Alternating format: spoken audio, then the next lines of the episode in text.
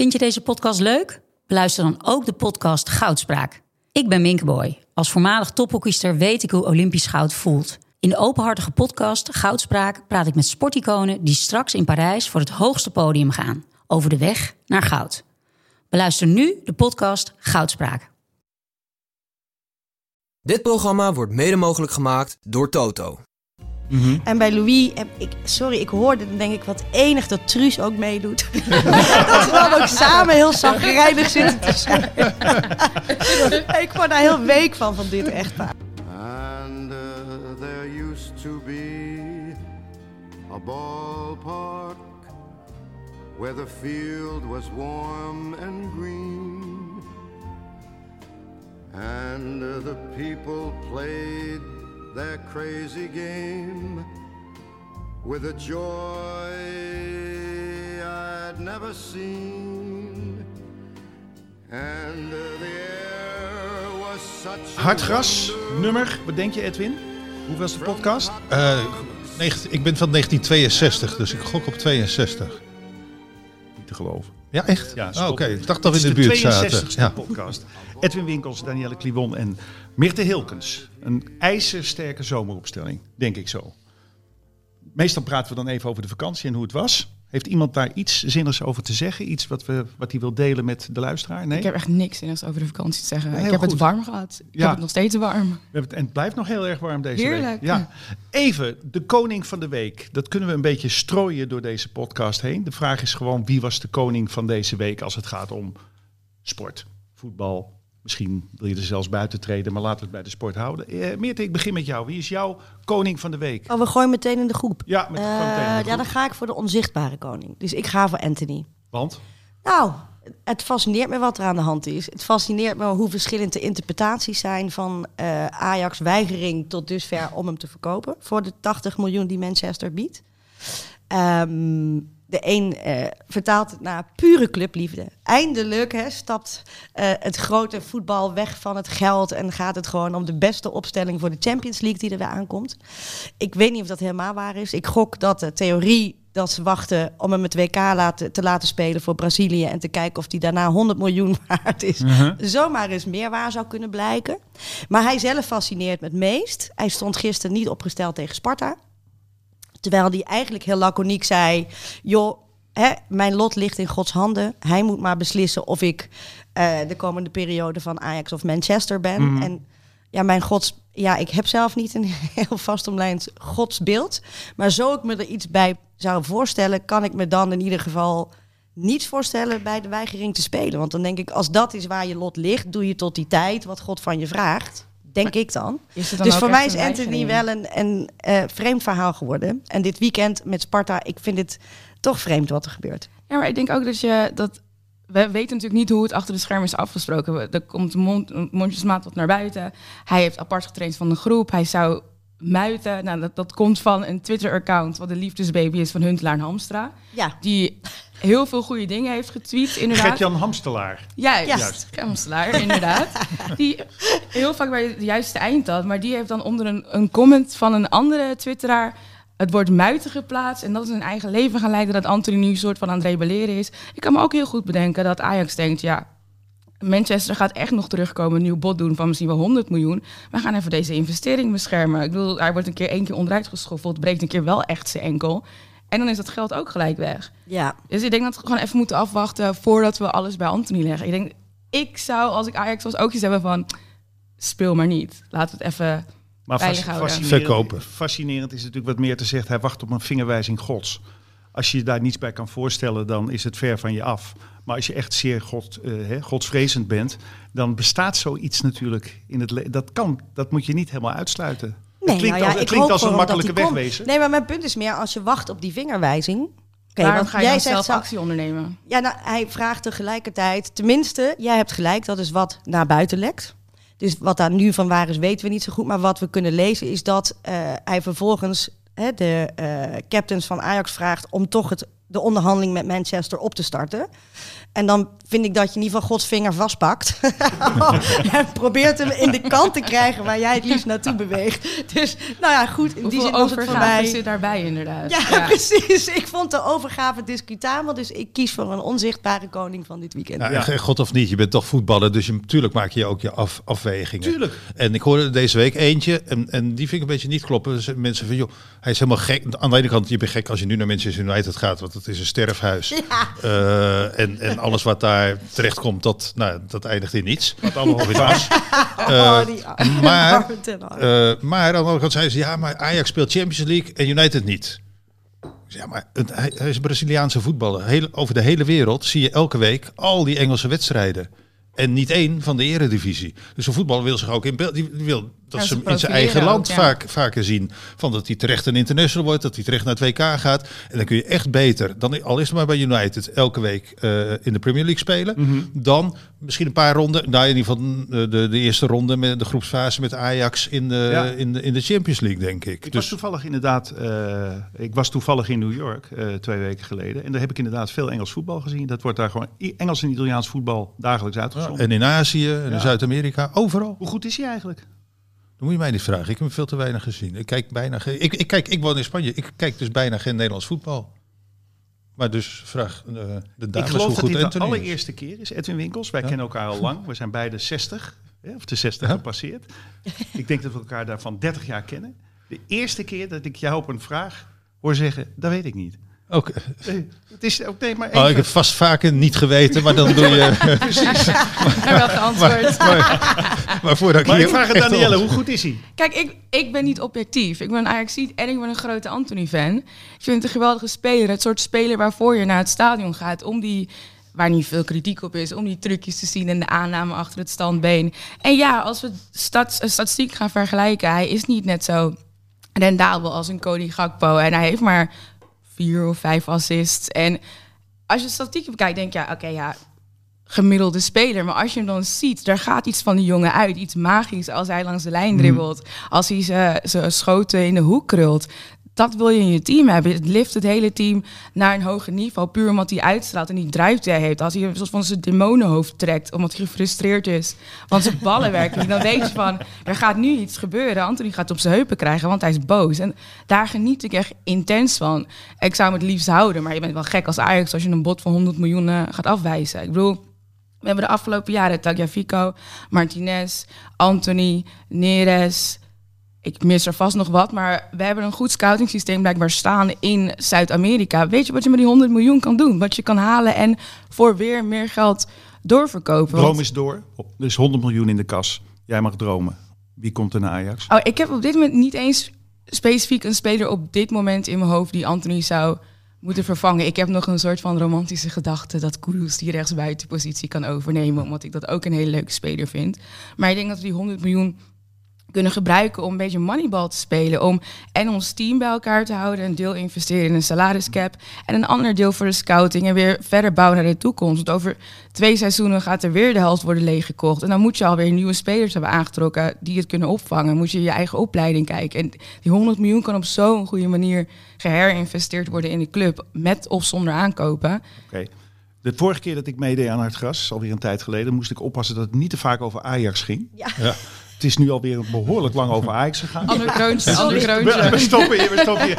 Edwin, Het altijd goed, altijd goed Ja. om jou te zien, maar je woont in Sitges, Ja. eh, Barcelona. Wat voert je, is het de Vuelta die je naar Nederland haalt? Ja, ik dacht eigenlijk dat we vandaag over de Vuelta zouden hebben. Dus ik heb het niet goed voorbereid. Maar eh, ik ben de hele week bezig al met, eh, met de Vuelta. Nou, hij is nu weg. Hè. Ze zijn onderweg. Ja. Het is een rustdag. Ze reizen nu allemaal naar het Baskeland. Maar inderdaad, zo rond eh, de Vuelta in mijn stadje, Utrecht. Ja. Eh, die start daar. Dus ik had heel veel uitnodigingen om...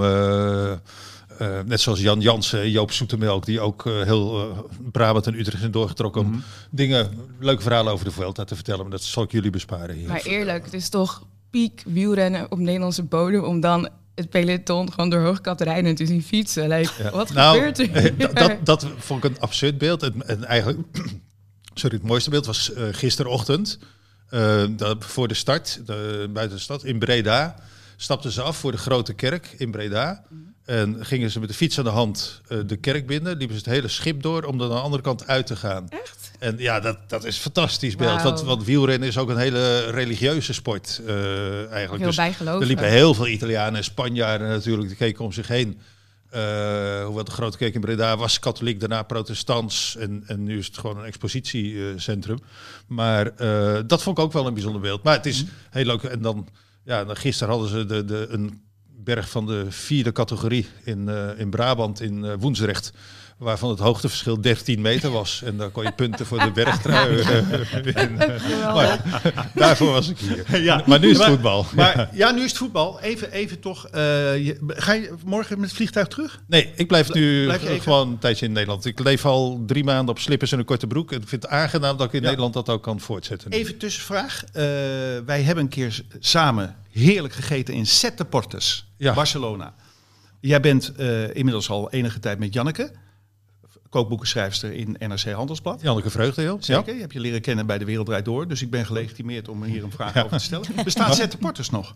Ja, zeker. Ja? ja. En Botafumeiro. Henk Spaan had het laatst over Botafumeiro. Ja. Zijn we ook geweest. Die, die, was hij ook nog niet vergeten. Dus, ja, eh, crêpe Suzette om twee uur s'nachts. Oh ja? Ja, geflambeerd. Ja, na alle visjes en schelpjes Exact, en, eh, en dat soort dingen. Kennen jullie deze restaurants of niet? Geen idee, maar Dit ik is- vind het heerlijk om naar te Dit is luisteren. na, nadat Barcelona Dit zijn klassiekers. eh, Ga je nog lekker eten met elkaar? Althans, dat hebben wij toen Ja. gedaan. Dat is een beetje naar traditie zoals het bij jullie gaat.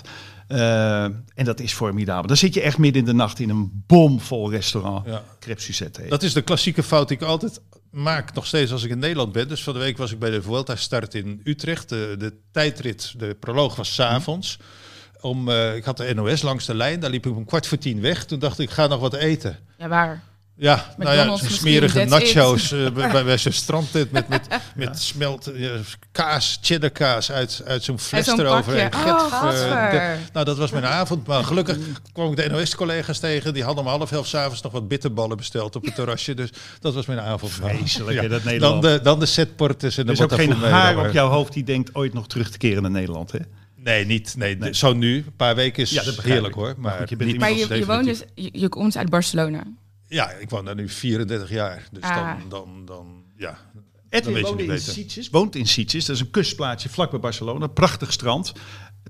Wij hebben elkaar daar wel eens ontmoet. Eh, Het lijkt net alsof wij elkaar heel vaak zien. Maar soms gebeurt dat in Barcelona. Eén keer per jaar. Toen, daar, toen woonde Louis van Gaal ongeveer Ja. naast jou. Hè? Dus zag je op dat boulevardje. Buurman was en hij- buurman. Ja, was buurman en buurman. Eh, zijn, er, zijn er eh, bekendere voetballers, trainers voor in de plaats gekomen? Want Sitges is een, echt zo'n plaats waar... Eh, Memphis woont er nu. Oh, Memphis woont er nu. Maar die zie je nog echt nooit. Ehm dus ook niet een, een jongen die zich sociaal heel. eh, nee, de meeste wonen niet, omdat het toch nog net iets te ver weg van de stad is. Maar Memphis heeft er een, een huis gehuurd bij de golfbaan, helemaal achterin, waar die zijn eentje zich kan. Nou ja. Kan voorbereiden, ik weet niet nu, op een overgang naar Juventus of Ja. wat dan ook. Want hij is twee wedstrijden, hij heeft geen minuut gespeeld. Eh, maar er zijn er niet, eh, niet veel. Ik, uh, Bakero, een oudspeler van Barcelona, Ja, woont zeker. er. Eusebio woonde er. Maar eh, na Van Gaal, eh, die er met zijn assistenten woonde, is er eh, qua Nederlanders verder niks teruggekeerd. Nee, Jimmy Bunch woont er, hè? Nee, Jimmy komt af en toe over. Die heeft een huis. Ja, ja. Zegt Die vraagt, jullie, die zegt vraagt jullie niks, hè? Nee, ik... eh, Maar om dit de, har- omdat dit de Hartgras podcast is, en Hartgras bestaat al heel erg lang en is ooit opgericht als een voetbalblad voor lezers. En toen gingen wij ook de grens over, Henk, Hugo en ik. En eh, toen kwamen we Simon Cooper bijvoorbeeld tegen, maar ook Jimmy Burns, een journalist van de Financial Times, die schreef toen een boek over Barcelona. En heeft de eerste bi- biografie ooit over Maradona geschreven, bijvoorbeeld. fantastische Ja. schrijver. En die was helemaal half Spanjaard al, dat was hij al. Zijn grootvader Was was, een- was een grote chirurg in Ja. Madrid. Ja. ja, Ja. Dit is een Nee, nee, is- voetnoot bij dit gesprek hoor, maar toch even de Oh, We geschiedenis. hebben deze zomer weer gegeten toen Jimmy er was. Dus eh, zeer aangenaam. En hij vraagt altijd, eh how is Henk en how is Matthijs? En eh, eh, eh, waarom mag ik nooit meer voor hard gras schrijven? dus bij deze. Maar laten we anders nog even in Barcelona blijven hangen. Want we hebben natuurlijk alle perikelen gehad met alle lievers die getrokken zijn en het geld en het wel en een soort van fantasy economics wat ze spelen. Gisteren hebben ze echt wel wat moois op de mat gelegd tegen Real Sociedad. Ik weet niet of een van jullie het heeft gezien, maar de Ja, eerste wedstrijd, gekeken. Ja, vanzelfsprekend. de eerste Ja. helft was niet om aan te zien. Kwam natuurlijk binnen een minuut op voorsprong met Lewandowski, heel leuk voor hem. Daarna kwam Sociedad vrij snel weer gelijk. En het was echt van, voor mij als Real Madrid-fan dacht ik... jullie gaan weer ten onder. Ja. En toen kwam daar opeens Ansu Fati erin. Wissels. Ja, wissels. Rafinha en Ansu Ja. Fati. Maar de hand van Xavi toch ook? Ik bedoel, een- niet zo'n hele ervaren trainer. En die het gewoon waagt, eh uitwedstrijd. Ik haal een linksback eruit. Eh, en een aanvaller en twee aanvallers voor in de plaats. Ineens sta je dan met vier man in de aanval Maar en drie man achterin. En het, het hele spel veranderde. Gelijk, ze sneden er opeens doorheen. Die goal van dat hakje van Ansu Fati op Dembele, die dan de, de 2-1 scoort. Vervolgens eh, mist Ansu Fati trouwens zelf. Legt hij een voor op Lewandowski, die scoort Ja. zijn tweede. En om het te bekronen... Nee, ik ga hem geen kroontje geven. Maar om het te bekronen maakt hij die 4-1. Waar komt die Ansu Fati vandaan? Die jongen is 19. Het is echt bizar. Ja, en, en een jaar lang eh, ernstig geblesseerd Ja. geweest. Voetblessure, open vier operaties. nee, meniscus, vier operaties.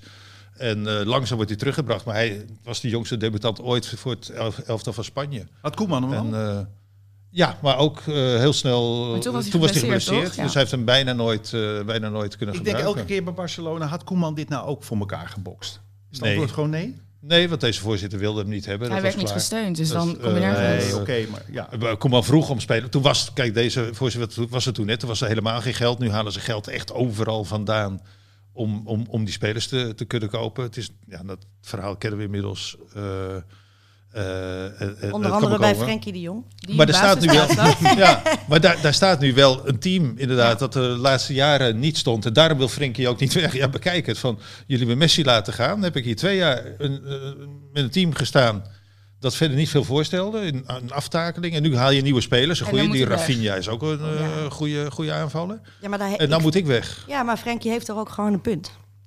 Ze Ja. kopen aan voor wat? 150 miljoen? Ja, ze zijn nu ook bezig En dan gaan ze gewoon een gemaakte afspraak met jou onder druk zetten. Ik, vind- ik heb met die gasten te doen.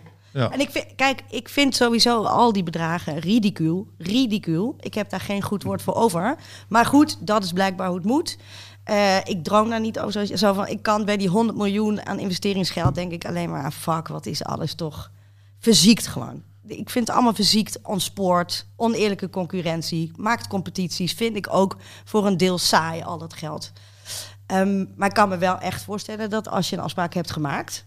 En ik vind het een soort bullying bijna wat er nu gebeurt. Ik heb echt met die gast. Ja, ik vind het echt een kutsituatie voor die Nee, gast. is ook. Maar ik vind ook flink van hij houdt zijn poot gewoon stijf. Ja. En, en hij heeft de laatste jaren salaris ingeleverd. Dus de club zat in de problemen. eh, Vanwege COVID. Geen toeristen, geen inkomsten. En net als ander heeft hij gezegd... Oké, ik, eh, dan, dan betalen jullie me later maar. Maar nu willen ze hem weg. En ook niet betalen wat ze hem nog van de eerste Ja, seizoenen precies. verschuldigd zijn. Terwijl nou, over anderen hebben ze het niet. Want er zitten een paar jongens zoals Busquets, Piqué en Alba... die minstens zulke hoge salarissen hebben gekregen. En, en dat ook nog moeten krijgen. Maar daar wordt niet over... Ja, ze onderhandelen wel, maar die willen ook niks En klopt de roddel dat hij niet naar Engeland wil omdat zijn vriendin de influencer niet naar een koud land wil? Ik heb ze niet gesproken. Nee, ze, zet wel, ze, ze zet wel heel veel Instagrammetjes uit Barcelona Ja. of, eh, of de kustplaatsjes waar ze, waar ze eten, vlak bij ons. Praat Maar, even, praat me even bij. Zij is een influencer. De vrouw Ja, apparently. En het, Mickey het- Mickey, ja, En ja. het gerucht gaat dat een van de redenen dat hij geen transfer naar Engeland wil. Want volgens mij is Manchester ook al... Druilerig, koud, Ja. grijs. Ja, dat mooie gewoon... Dan, dan moet sta je opeens met al die mooie jurken tegen de achtergrond van die grijze regen. In Brexit, Boris Johnson, Engeland of post-Boris. Eén Ik snap dat ze daar niet opgewonden ja. van wordt. ja. nou ja, eh, en, en, ze hebben ook, hij heeft net, is hij op zijn knieën gegaan, hè, ergens in Colorado, eh, Dat bij de Canyon, wel. eh, voor, voor, om uit huwelijk te vragen. Ze hebben net een huis gekocht in Barcelona, om echt te gaan, gaan Maar ik kan me ook voorstellen, je wil, d- daar zeg ik wel, Frank, die zegt ook van, eh, United speelt geen Champions League, maar de Spaanse competitie kun je ook al de hele wereld zien. Dus dat, Ja. dat vind ik dan voor hem wel ook een, een, Ja. een goed argument. Gisteren trouwens kreeg hij wel de kans waar ze vaak dan om gezegd wordt van... eh, wat, dat, vorige week vond, zag ik wel een goed commentaar in de Spaanse krant. Hij deed heel goed als invaller de laatste keren. Van Frenkie, waarom hebben we dit niet eerder van je gezien? Want we hebben hem niet zo vaak... Nee. Het is, wordt altijd gezegd, ja, hij speelt niet op zijn plek. Ja. Nou, gisteren mocht hij dan, kreeg hij van Xavi de kans vanaf het begin op de plaats van Busquets te spelen. Die al 14 jaar de eigenaar is eh, van, van die plek. Er komt, nou, iedereen die daar het probeerde, die, die, die is mislukt. Nou, mocht hij het gisteren doen, ja, dat zou je dan gelijk zien. Eh, na een minuut of tien, eh, of kwartier, fout. Ja, waardoor de... Balverlies ja, en 1-1. En het was ook niet een echt hele overtuigende wedstrijd van hem. Dus uh, dan krijg je daar vandaag weer kritiek van. Nou, Frenkie, je hebt niet bewezen dat we Busquets met pensioen uh, kunnen... Op één wedstrijd, hè? dat is ook niet terecht. Maar uh, ja, zo wordt, wordt hij beoordeeld. Maar nog, wat is het? Nog acht dagen te gaan tot sluitings van de negen dagen. Spannend. Maar hij houdt zijn poot vast. en ze zien nu dat de, als, als de trainer jou, met nog negen dagen te gaan, in deze wedstrijd opstelt als het brein van het elftal, dan gaat hij ook niet meer verkopen, denk ik. Ik denk het ook niet. Danielle, koning van de week. Nou ja, mijn koning van de week, niet zozeer omdat hij iets bijzonders heeft gedaan, maar om hem een soort van steuntje in de rug te geven. Ja, mm Gini Wijnaldum gaat naar AS Roma, want hij wil spelen oh, voor het WK en hij breekt op de training zijn scheenbeen. Volgens mij wordt hij as we speak geopereerd. Het is niet zo'n hele complexe breuk, maar er staat wel gewoon veel hersteltijd op. En de operatie zou het versnellen. En dan zou hij met drie, vier maanden weer fit kunnen zijn. Nou, we moeten het maar zien. Ik bedoel, dat, dat WK komt gewoon in gevaar. En dat is de hele reden geweest voor die transfer. Van ik wil spelen, minuten maken, mm mezelf in de kijker spelen, zodat ik mee kan naar Qatar. Dus ik, ik wil Gini, Gini wel een, een kroontje geven van een kop op, jongen. Ja, goed. Wat denk je, hoe zou jullie kunnen van misschien als Memphis nu niet weg kan, hè, wat voor reden ook, geen, en hij speelt geen minuut. Gaat Van Gaal dan hetzelfde doen als dat hij met, met uh, Wijnaldum deed? Van ja, als je geen minuten hebt. Dat is wel de topscorer van Oranje van de laatste vijf jaar zo ongeveer. Maar dat is natuurlijk wel weer... Kijk, voor Wijnaldum heb je een vervanging. Wie, wie zou Memphis één op één vervangen? Dat, dat, dat gaat gewoon niet. En ik denk dat Memphis ook wel zo'n soort speler is... die je dan soms een hele wedstrijd niet ziet... maar hij prikt er wel twee in en is daarmee bepalend. Dus ik denk dat speelminuten voor Memphis minder van belang zou zijn dan voor een speler als Wijnaldum. Dus ik zie Van Gaal, als, als Memphis niet speelt, als die transfer niet doorgaat, zie ik hem hem alsnog meenemen, dan als een soort van breekijzer gebruiken. Ja, het punt is alleen dat hij zo consequent is, wat ook spreekt voor Van Gaal. Dat, dit is mijn wet. En Vrij principe dat hij het niet zou Ja, en dan moet hij voor zijn principe even opzij zitten. Ja, bij Doelman deed hij dat daar nog heeft wel. Hij vast een uitleg bij. En wij zullen het er ook als Nederland mee eens zijn. zijn heel Nederland zal snappen. Alsjeblieft, breek met je principes. Nou ja, eerste, maar het is een we, zitten, we zitten schaars in de spitsen volgens mij. En dat soort spitsen toch? Dat, uh, maar ja, een aanvaller. Hij is, hij is nu de zesde aanvaller van Barcelona. Zevende soms. Eerder komt hij niet aan de beurt. Gisteren vielen er twee in. Hebben gisteren met vijf aanvallers gespeeld. Hij was Memphis. nog niet. En Aubameyang, de andere, heeft ook nog niet gespeeld. Die heeft hij ook nog voor zich. Die gaat misschien weg toch naar, naar, ja, naar Chelsea. Chelsea zijn ze nu aan het onderhandelen. Even over Chelsea gesproken, jongens. We hadden net over, het even over Gertjan Ham, uh, Hamstelaar. Hamstelaar. Dat is dus die, die voetbalroddelsite die het vaak bij het rechte eind heeft, begrijp ik. Ik hoop ook dat hier echt een hele gerenommeerde journalist achter zit. Denk je? Ja, heb je een vermoeden wie? Ik heb geen vermoeden. Nou, ik heb wel een vermoeden, maar dat wil ik nog niet delen. Ik moet nog even wat verder graven. Maar ze hebben, hij heeft zo vaak gelijk. En de manier ook waarop je het nieuws naar buiten brengt. Het is niet zeg maar zomaar een fan met connecties of zo. Er, er zit wel echt iemand achter, ja, denk ik. Gewoon een mol, een Ajax-mol. een beetje Han Lips-achtig, weet je, van het parool dat het meerdere voetbaljournalisten zijn die erachter okay. zitten. Het laatste nieuws van vanochtend namelijk is dat Ziyech uh, ge, ge, gesignaleerd is in Amsterdam. Hij nam na de wedstrijd tegen Leeds, verloren door Chelsea trouwens, het vliegtuig van Leeds, ik geloof een privéjet, naar Amsterdam. Nou ja, weet ik, gooi, ik gooi het maar even in de groep. We Zie je terug. veel achterzoeken. Nee? Ik bedoel, hij heeft ook heel veel familie in Amsterdam wonen. Kan. En eerlijk, Sieg komt op mij over als een hele trotse man. Mhm. Die heeft nu een semi-mislukt avontuurtje bij Chelsea gehad.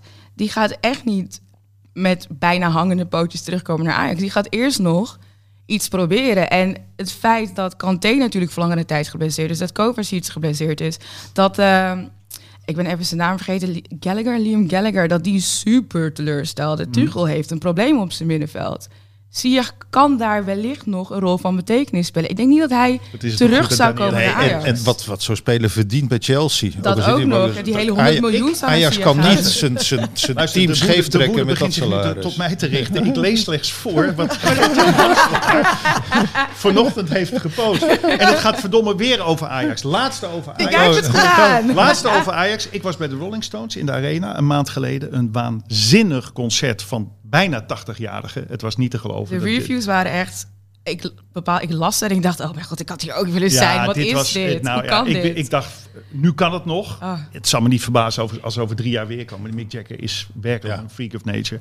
Eh, daar zaten twee Ajaxiden achter mij. Heel erg mee te zingen en te klappen. Wie waren dat?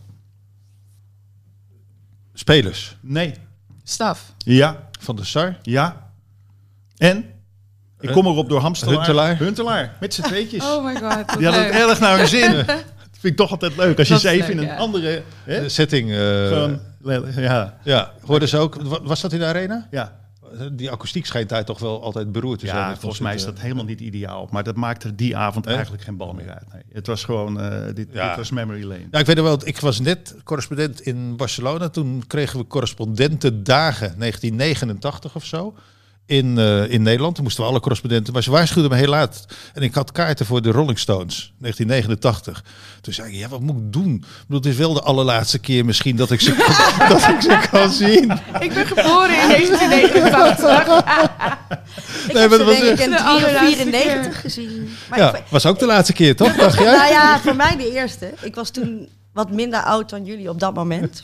Maar ehm, ik, ik, was niet, ik ben niet zo'n fan van de Rolling Stones. Ik heb, er zijn een paar ehm, grootheden waarvan ik erken dat ze muzikaal relevant zijn.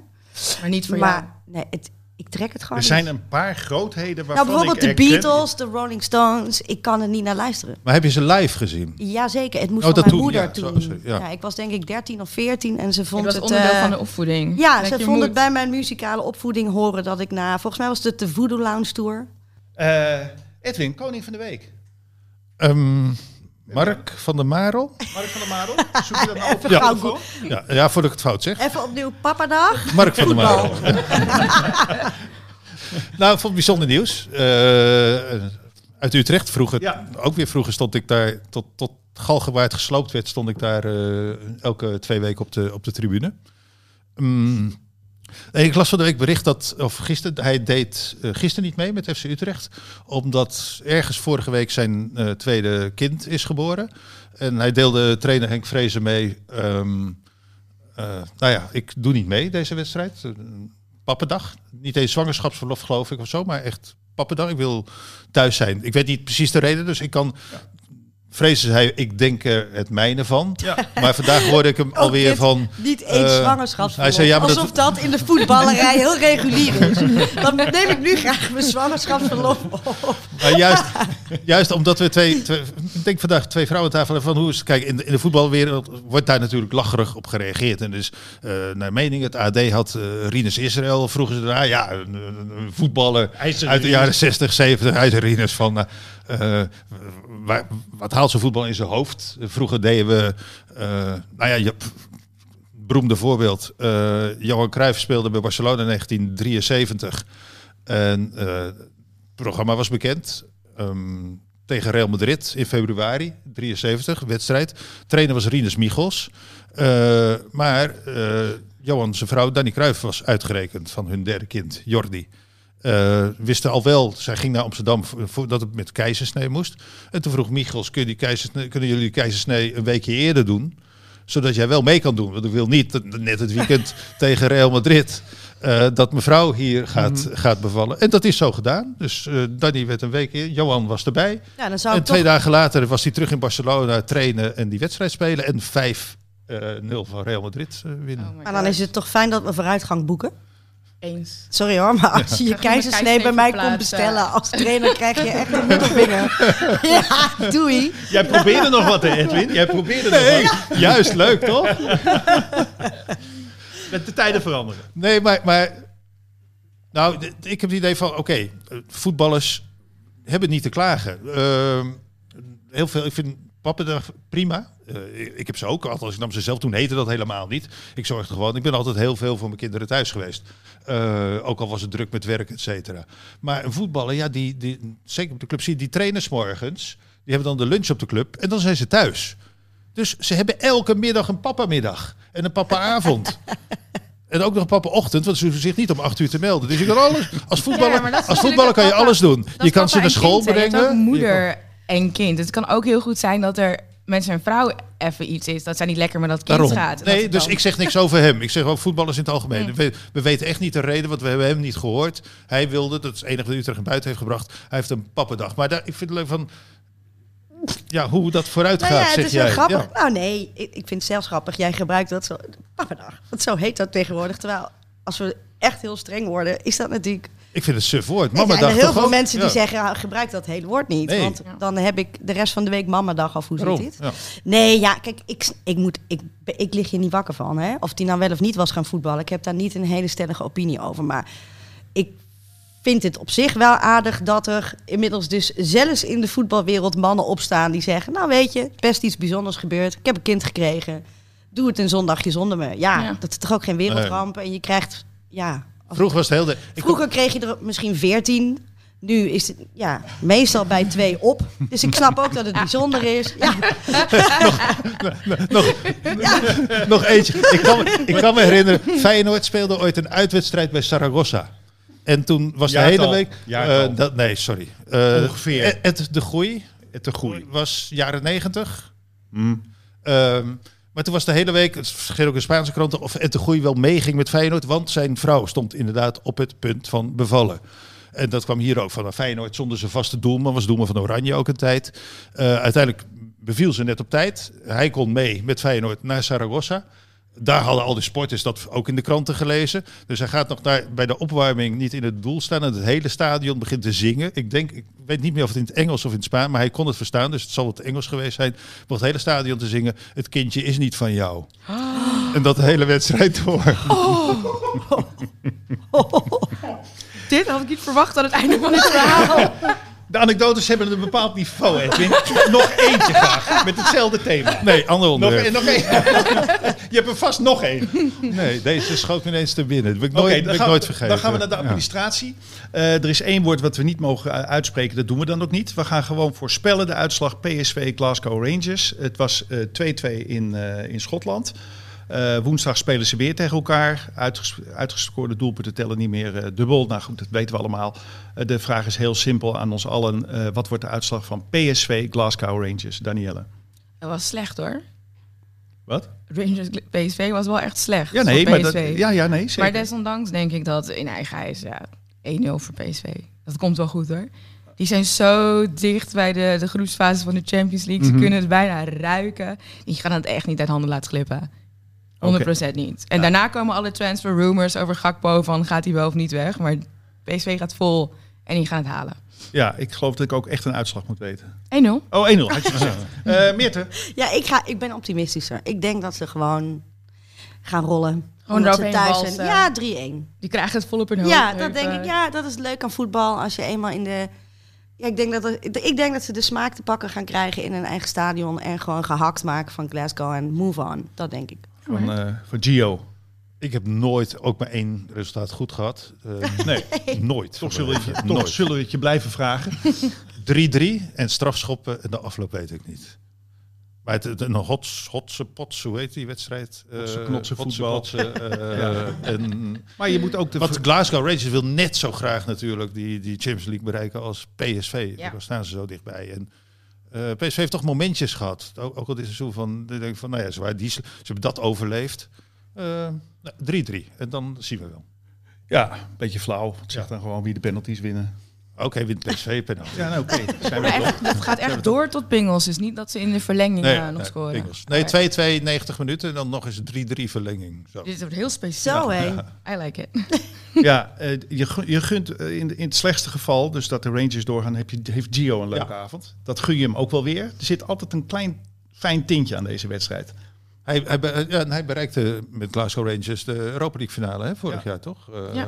eh, ook al heel goed gedaan. Ja. Ja. Het lijkt me zo'n aardige jongen. Nooit ontmoet. Ja, heel Ja, maar Rangers is ook veel kwijt. Hè. Hun verdedigende duo, die Langlam, ik spreek zijn naam niet goed uit op het middenveld, die, die benenbreker, die is niet helemaal in vorm, heeft ook in de competitie rood gekregen. Het, het, het loopt nog niet helemaal in het elftal. Ik denk dat dat ook wel gaat meespelen. Wil je weten wat eh, mijn uitslag Ja. is? Oh, Matthijs. Eh, Nee, 3-0 Eh, voor PSV. Makkelijk. Bij de rust al zelfs. 3-0. Oké. Lekker. Waarom? Geen tegengoal. ja, ik denk dat het op een heup krijgen. Dat het zo'n heerlijke zomeravond wordt. Het wordt hartstikke warm.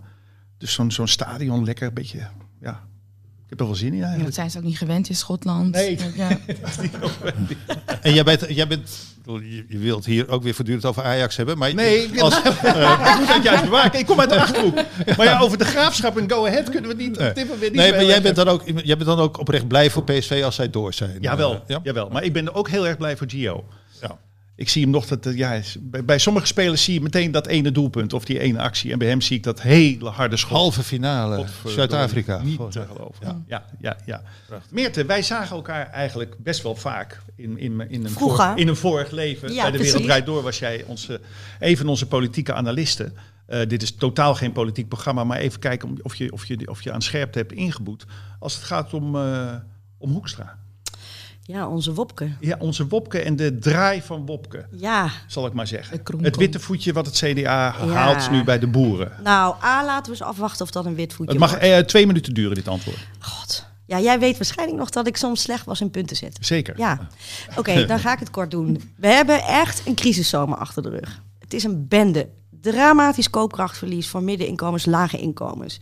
We zien dat de klimaatverandering deze zomer vol vorm krijgt. Oogsten die mislukken, droogte, steenkolen die ons continent slechter bereiken dan we zouden willen. In, eh, eh, tegen de achtergrond van de energiecrisis die ons vanaf de herfst echt gaat raken.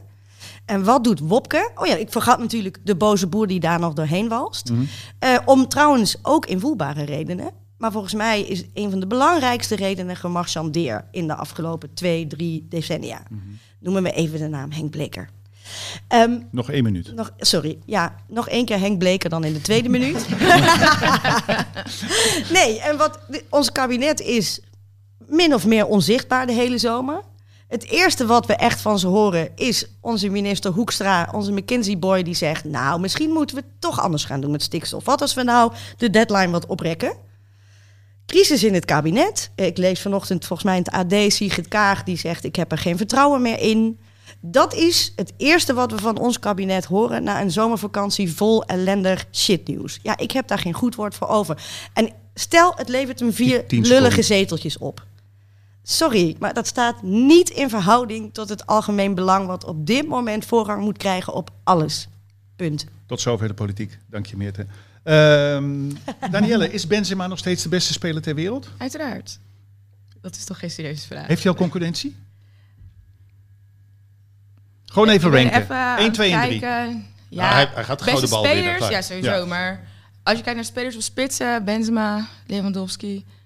En dan eh, is er een soort van gapend gat. Kan ik Eminem zeg maar met z'n drieën op de derde plaats zetten. Um, Hmm. Mbappé, Neymar en Messi. Die weer 7-1 kapot hebben gemaakt in Frankrijk. Maar nee, Benzema staat gewoon bovenaan. Droom, droom je van hem eigenlijk? Nee. Wat- Nee, niet meer, niet meer. Wel gedaan? Mijn, mijn eh, infatuation is wat betaard.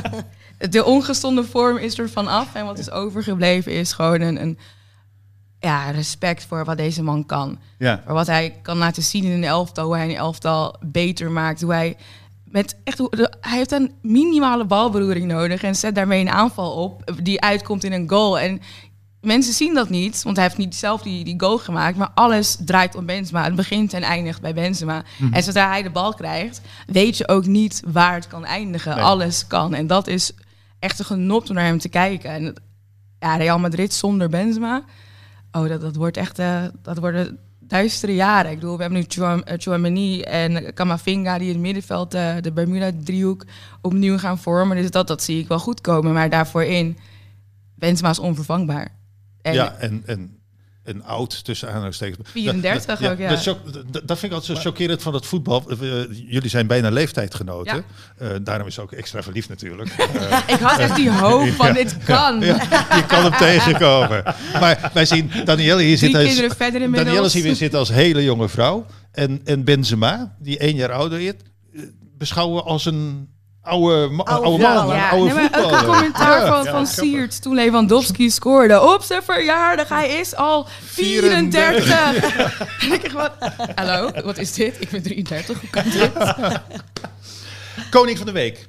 Ik, ik, ik, ik heb nog niks gezegd. Oh, Martijn- Ik- eh, ja. Matthijs, Ja. ehm, Eh, ik kies, nou, ik heb even heel snel, omdat ik heel weinig aan deze tafel zit. Ehm, Tom van het Hek is sportverslaggever van dienst bij Radio 1 in de ochtend. Daar sta ik mee op. oud hockeyer. Elke ochtend wordt hij gebeld. De oud hockeyer, oud hockeycoach. Dat doet hij zo ongelooflijk formidabel. Welke sport het ook is. Eloquent, zeer op de hoogte. To the point, altijd levendig, altijd swingend, bijna zou ik willen zeggen. Dit gezegd hebbende. De koning van de week, Schreuder van Ajax.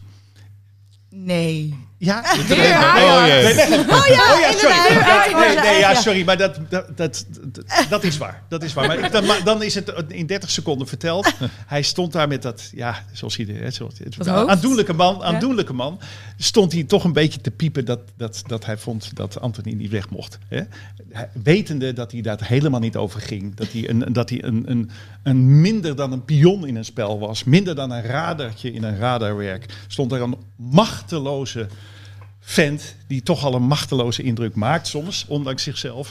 Eh, dat vond ik, ja, en hij deed toch wel zijn best. Ik weet het niet. Ik vond het, dat- dat was mijn moment van het weekend in Ja, ieder ja. geval. Die trainer. Met die Maar verder heeft hij geen klagen eigenlijk. hij heeft verder geen natuurlijk. klagen. Eh, dus, eh, bedoel, Nee. maar goed, het ging nu even om hoe sterk Ja. ben je als trainer. Wat heb je, bij Vergaal staat er toch iemand anders die wekt de illusie dat hij over alles gaat. En hier stond een trainer die precies wist wat zijn rol was eigenlijk in dit grote spel. Namelijk bijna eh, niets. Ja, Schreuder maakt eigenlijk hetzelfde mee wat Ten Hag met Ronaldo eh, de eerste weken bij United heeft eh, meegemaakt. Een speler die, die niet verschijnt of weg is of spoorloos. En wie is er dan sterker? Hè? ja, Wie is er groter? maar dat, dat is het hele debat nu ook over voetbal. Wie, wie, wie is belangrijker? Zoals Frenkie die, die, die is proberen weg te werken. Zegt van, je wordt door een club misbruikt. Maar aan de andere kant hebben spelers ook heel veel de macht in eigen handen. Als Anthony zegt van ik wil niet meer spelen. Ja, dan, dan, dan, dan speel je niet meer Nee. eh, in principe. Dan kan je natuurlijk je toekomst vergooien. Want niet, clubs zullen niet moeilijke spelers hebben voor, voor zoveel geld of wat dan ook. Maar, eh, of Lewandowski, die wilde heel graag naar Barcelona. Die heeft echt zijn, zijn kont tegen de krip gegooid tegen Bayern München. Ik ga echt weg bij jullie. Ja. Ik ga niet meer spelen. Nou, die macht kan je dan toch wel uh, toch Ja, wel je hebt ook natuurlijk spelers gehad in het verleden die principieel de hele rit uitzaten. Alleen op de cash, dat was Bogarde toch? Astronomische bedragen per week Ja, op de bank. ja. Volgens mij trainde die aan het einde zo'n beetje met de jeugd. Ja, die, Maar de miljoenen bleven die binnenkomen. trainde echt met de jeugd, ja. Ik heb hem ooit geïnterviewd, drie uur lang over zijn boek toen. Toen speelde hij bij Chelsea, hè? Ja. En daar werd Wilde hij die een interview? Met mij wel. Oké. Maar dat Dat was, Bogarde was een van de allermoeillijkste om, Nou, om ik voor een interview te ik krijgen. dus eigenlijk gaan zeggen. Ik heb hem drie uur ooit gesproken en ik liep naar buiten. ik had echt geen idee wat ik daarvan moest gaan bouwen. ik heb nog nooit zo lang met iemand gepraat zonder na afloop te snappen wat ik moest. Had je het opgenomen? Ja, maar dat hielp ook Je niet. moest ook nog terugluisteren drie uur, hè? Ja, Oh mijn lord. nou maar wat heb je ervan gemaakt?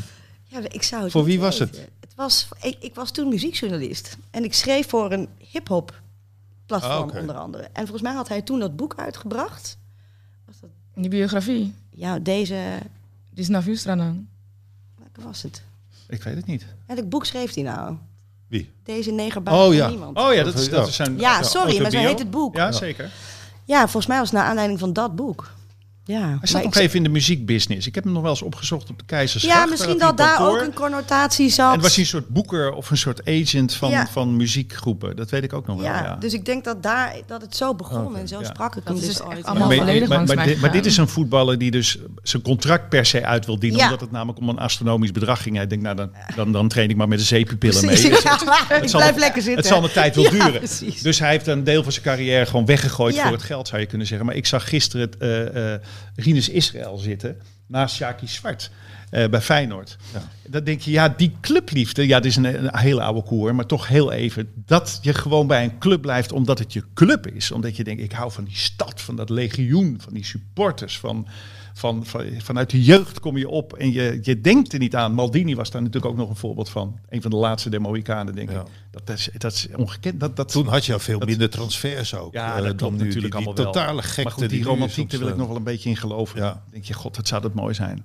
Toch Ja. iemand die zegt, eh, je kan maar wat. En, eh, Je hebt ze nog. Nee, dan bij Busquets bij Barcelona. Ook Ja. al sinds de jeugd, nu 14 jaar. Ja, daar heb je gelijk in. Ja.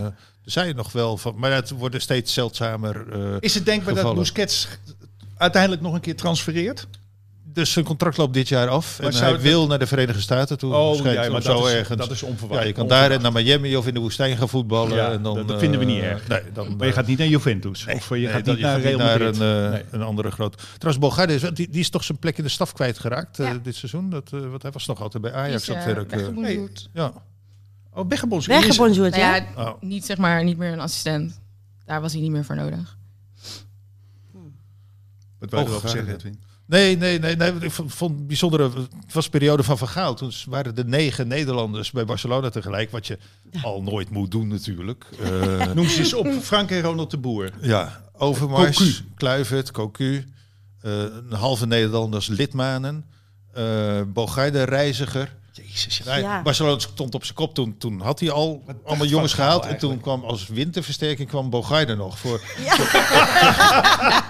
voor een, voor, voor een, voor een eh, linksbackplaats. Ik Dus dacht hij dat wel, ging ja, zeggen voor de bank. eh, eh, Louis, ik zei altijd, dat, dat, nou ja, dat nam die me nooit in dank af. Dat soort dingen van, eh, alsof je vakantie gaat en, en, en je gaat ergens wonen en dan neem je uit Nederland neem je de, de, de goudse kaas neem je mee en de pindakaas en de hagelslag en de drop en alles neem je mee, want wat in Spanje is, dat is niet te vreten. Nee. Zo leek dat toen een beetje. En dat doet Ten dus- Hag nu toch ook een beetje bij Manchester United? ja, dat, dat Ja. verwijt krijgt hij ook van, eh, ja, ik doe het met bekenden of zo. Dan, ja, de dan, eredivisie oh, leeft Dan denk je ook, hoe zit het met het scouting systeem van die club zelf? Dat we alleen maar op de, wat, de club, zeg maar, wat de coach kent afgaan. Want alle spelers die jij wilde halen, die kende hij. En als hij ze niet kende, dan komen we bij Arnautovic en zo uit. Dus Nou, en Casemiro nu, hè? ja, maar. Casemiro, die, die kent natuurlijk iedereen. Ja, Oké. Dus dat, dat, dat vind ik weer een uitzondering in Real Madrid. Kan niet afvallen. Maar even zo'n Van Gaal. Hè, die, die, die, het is een grotesk, groteske move was dat. Van al die spelers. Die, je kon op je vingers natellen dat Barcelona of dat, dat niet per se pikt. Tenzij je stralend kampioen wordt. En, het weet, Ja, en en dat dat weet werd, je het- hij werd wel kampioen. Zag jij hem wel eens op die boulevard lopen? Hadden jullie wel eens gewoon contact in het voorbijgaan? Hey Edwin, hey Louis. Nou, ik kwam, hij kwam dan in de zomer. Ik heb hem toen in oktober, denk ik, geïnterviewd voor mijn eh, Spaanse krant waar ik voor werkte, Ja. El Periodico. En ik denk dat ik in november op de zwarte lijst eh, kwam. nou, dat betekent dat je nergens meer... Dus bijvoorbeeld als de collega's... Toen kwamen nog vaak collega's... Barcelona, Real Madrid... kwamen de collega's uit Nederland eh, over. Eh, na afloop van de persconferentie mochten zij dan in een klein groepje... eh, apart met Van Gaal in het Nederlands. Nou, Jij ik, niet. Correspondent voor het AD, maar ik mocht daar niet bij. Eh, ik zei tegen de jongens, jongens, niet solidair zijn. Ga maar gewoon, want jullie zijn overgekomen. Ik kom wel aan mijn informatie. Nee, dus wij kregen, we hadden, ja, hij, hij had de pik op mij en, en zijn, zijn lieve vrouw Truus. eh, daardoor ook een beetje. Want Truus zag ik wel vaak op de boulevard. Ehm, ik woonde wij woonden inderdaad 200 meter van elkaar. Dan fietste ik naar het station toe. En Truus kwam dan terug van haar ochtendkoffie eh, op het terras. Dus twee kilometer lopen. En dan zag ze mij aankomen fietsen. En dan ging Truus naar de zee gaan kijken. Dus stopte met lopen en keek ze naar de zee. En ik fietste langs en zei, goedemorgen Truus. Maar eh, toen hoorde ik niks terug. En dat is jammer, want Truus echt... eh, we hebben wel paar jaar geleden elkaar gewoon weer heel lang gesproken en zo. Dus, de- maar, maar die tijd, dat waren voor hun zulke ingewikkelde... Het was voor Louis de eerste keer dat hij naar het buitenland ging. Mhm. En hij wist niet waar hij terecht kwam en wat voor een... Nou ja, Maar hij heeft, nou- hij heeft jou, want jij woonde daar. Je, Ja. je kende de mores van de stad, van Sitges, van Barcelona, maar ook van een beetje van de club. Hij heeft jou nooit gewoon een babbeltje gemaakt van eh, hoe zie je dit? Of, eh, Nee, of- maar dat heeft Van Gaal met nooit met iemand gedaan. Mhm. Is Denk het ik. toch ook een geweldige vent. Hij, is, Hè? Ik heb zo'n zwak voor die hij man. wilde ze onafhankelijk Ja, is- blijven Oh. altijd. Ja. Ja, er zijn natuurlijk Oh, mensen die, het is helemaal love hem, maar ik zit zo in kamp liefde. Ik vind dit toch, dit zijn toch heerlijke verhalen. Hij is een soort van, wat Van Morrison is mijn grootste muzikale held ever. En die is Zo, die erg gekend om zijn totaal antisociale, moeilijke, grumpy, dronken achter piano's omvallen. Niks, geen land mee Bully. te bezeilen. Ja, echt. Maar godverdomme wat de muziek. Mhm. En bij Louis, heb ik, sorry, ik hoorde, dan denk ik wat enig dat Truus ook meedoet. dat we dan ook samen heel zagrijnig zitten te zijn.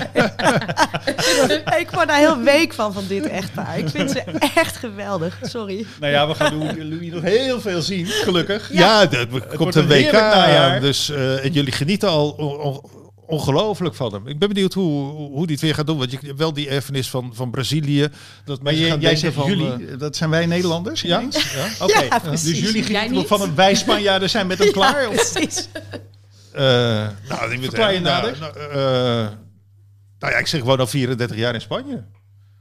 Dus eh, soms, zijn- ja, een beetje slim. van. Soms zijn jullie jullie en soms eh, Als dat zo ben, ik, uitkomt. ben ik ook bij. Ik kan het van afstand, eh, omdat ik het van afstand bekijk. Zo, zo, zo, zo moet je het eh, beschouwen. Maar wat Van als we jullie- weer een, finale Spanje-Nederland krijgen?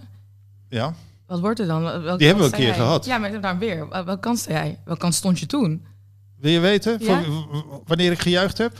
Ik was, nee, laat ik het zo zeggen. Laat ik het tactisch zeggen. ik was Wij willen geen nuance. dat doelpunt van Iniesta. was ik zo blij voor mijn kinderen. Het zijn Spaanse kinderen, Spanje geboren, Spaanse moeder. Eh wij hebben weinig met Nederland. En dat ik dacht van, nou oké, zij hebben niet wat wij sinds 1974 met ons meedragen, dat we zo'n finale nooit hebben gewonnen. Niet dat het volgens mij na afloop hun heel veel eh, kon interesseren. Maar ik was, eh, ik was ook, ik ken, ik ken Iniesta ook, ik kende al die Spaanse voetballers ook goed. Dus dat was echt zo'n wedstrijd waarvan het mij absoluut niet uitmaakte wie er eh, won. Ik zat in Barcelona te kijken, alleen, helemaal alleen thuis. Ik was daarvoor eh, bij een Nederlands feest geweest. Eh, dat werd allemaal opgebouwd eh, vooraf aan de, aan de wedstrijd. Maar ik heb, ik heb helemaal niks met nationalisme en chauvinisme, et cetera. Dus die dag mocht voor mij echt de, de beste winnen. Goed beantwoord. Danielle, de komende maand, waar kijk je het meest naar uit? We kunnen het ook wel weer over. het- We kunnen het over. Nou, het is te vroeg om het over het WK te hebben eigenlijk. Het is net te vroeg. Net een maandje te vroeg. Ik kijk eigenlijk gewoon uit naar vanavond. United Liverpool. Ja? Ja, daar kijk ik wel naar uit. Ik ben benieuwd. Ik heb een soort van vreemd voorgevoel wat ik niet kan verklaren. Ik geef ook hormonen de schuld dat Liverpool niet gaat winnen van United. Voornamelijk ook omdat Liverpool heel veel blessures ja heeft. maar laten we het ook vooral hopen. Laten we het hopen voor Ten Hag. Nou ja, ik, Ik gun het hem ik zo. luisterde naar de Guardian podcast Ja. vrijdag. En die eh, deed een soort van vooruitblik. En die zeiden ook van... Manchester United heeft nog geen rock bottom bereikt. Ze moeten er helemaal doorheen zitten, helemaal kapot zijn... voordat het beter kan worden. En daar ben ik het op zich ook wel mee eens. En in dat opzicht zou het heel goed zijn als dat Liverpool dan 5-1 wint. En dat ze dan echt door hebben van... oké, wij zijn het Arsenal van eh 15 jaar geleden... en we zijn echt stuk en nu moeten we gaan. De kans is ook dat als ze dus niet verliezen... gelijk spel eruit weten te slepen... dat er dan de gedachte is van... oh, het gaat wel prima, we kunnen het wel redden. En die spelers moeten even gewoon... ik wil niet zeggen kapot gemaakt worden... maar er moet iets veranderen in die hoofden. Like die, die mindset moet... Mhm. Ze moeten een goede opdonder krijgen. Maar jullie zijn niet ongenaakbaar. Jullie zijn geen goden op een sokkel of zo. Like, jullie zijn gewoon voetballers die te veel worden betaald. En get your head fucking straight on. En doe waar je voor betaald wordt. En dat gaat niet gebeuren als ze dus weer wegkomen tegen Liverpool. Maar toch denk ik dat ze ermee gaan wegkomen. Oké, maar stel dat ze weer verliezen. En dan is het bijna rock bottom. Overleeft Ten Hag dat? Ja, wat, ik denk het wel. wat zei de Guardian podcast daarover? Dat, dat, ja, weet je, dat is meer de hoop dat hij het overleeft. En dan kan gaan werken naar iets voor de toekomst. Ja, ik bedoel, gun dit seizoen gaat het Ik niet zie worden. Nederland ook een beetje leedvermaak over Ten Hag. Maar dat is... Zie dat niet al begint dan gelijk al te lachen. Ik moet even van- denken aan Ajax Twitter. Dat mensen dan ook echt van ja, had hij maar niet weg moeten gaan. Oh, had hij maar niet moeten proberen om de hele eredivisie leeg te kopen. Dit is een verdiende loon. Like, jongens, je, je wil als trainer het beste eruit halen. We weten allemaal, de spelers hebben de macht. En de trainer wordt erop afgerekend. Dat als jij een mensenmanager bent en in het hoofd kan kruipen van spelers... en die in het gareel kan krijgen bij Manchester United... dan heb je het gemaakt. En ik denk dat iedere trainer die denkt... ik wil het meeste eruit halen, mezelf uitdagen... ik snap dat hij erin is gegaan. Het is een uitdaging, een persoonlijke uitdaging. De vraag is alleen, overleeft hij het? Danielle, dankjewel. Meerte, dankjewel. Edwin, dankjewel. Eh het, het zit erop. Kort slotwoord van 10 seconden mag nog, Edwin. Meerte, die is heel goed. Punt zetten. Ja, punt zetten. Punt zetten. punt. Ik kijk het meest uit naar het, eh, mijn dochter. Die gaat in het eerste van HFC spelen. Meiden tot 13. Dit weekend begint het eerste toernooitje. Ze heeft de hele zomer elke dag, elke dag in de eentje staan trainen. Zo graag wil ze. Tof. Dus ik verheug me het meest op het seizoen van mijn dochter. Hoe heet ze? Feline. Hup, Feline. Yes. Kom op. AFC. Yes, there used to be a ballpark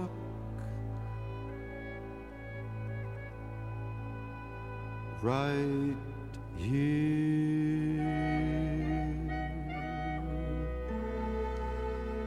Hartgras is een podcast die geboren is uit het blad Hartgras. Van papier, ja. Gek, hè? Neem daarop een abonnement. 17,50 voor een proef die vanzelf weer ophoudt na twee nummers. Weet je dat je ook jezelf een cadeau kunt geven? Jij verdient dat. Ga naar hartgras.nl. Beter dan een oestermes. Of een hoed. Dit programma werd mede mogelijk gemaakt door Toto.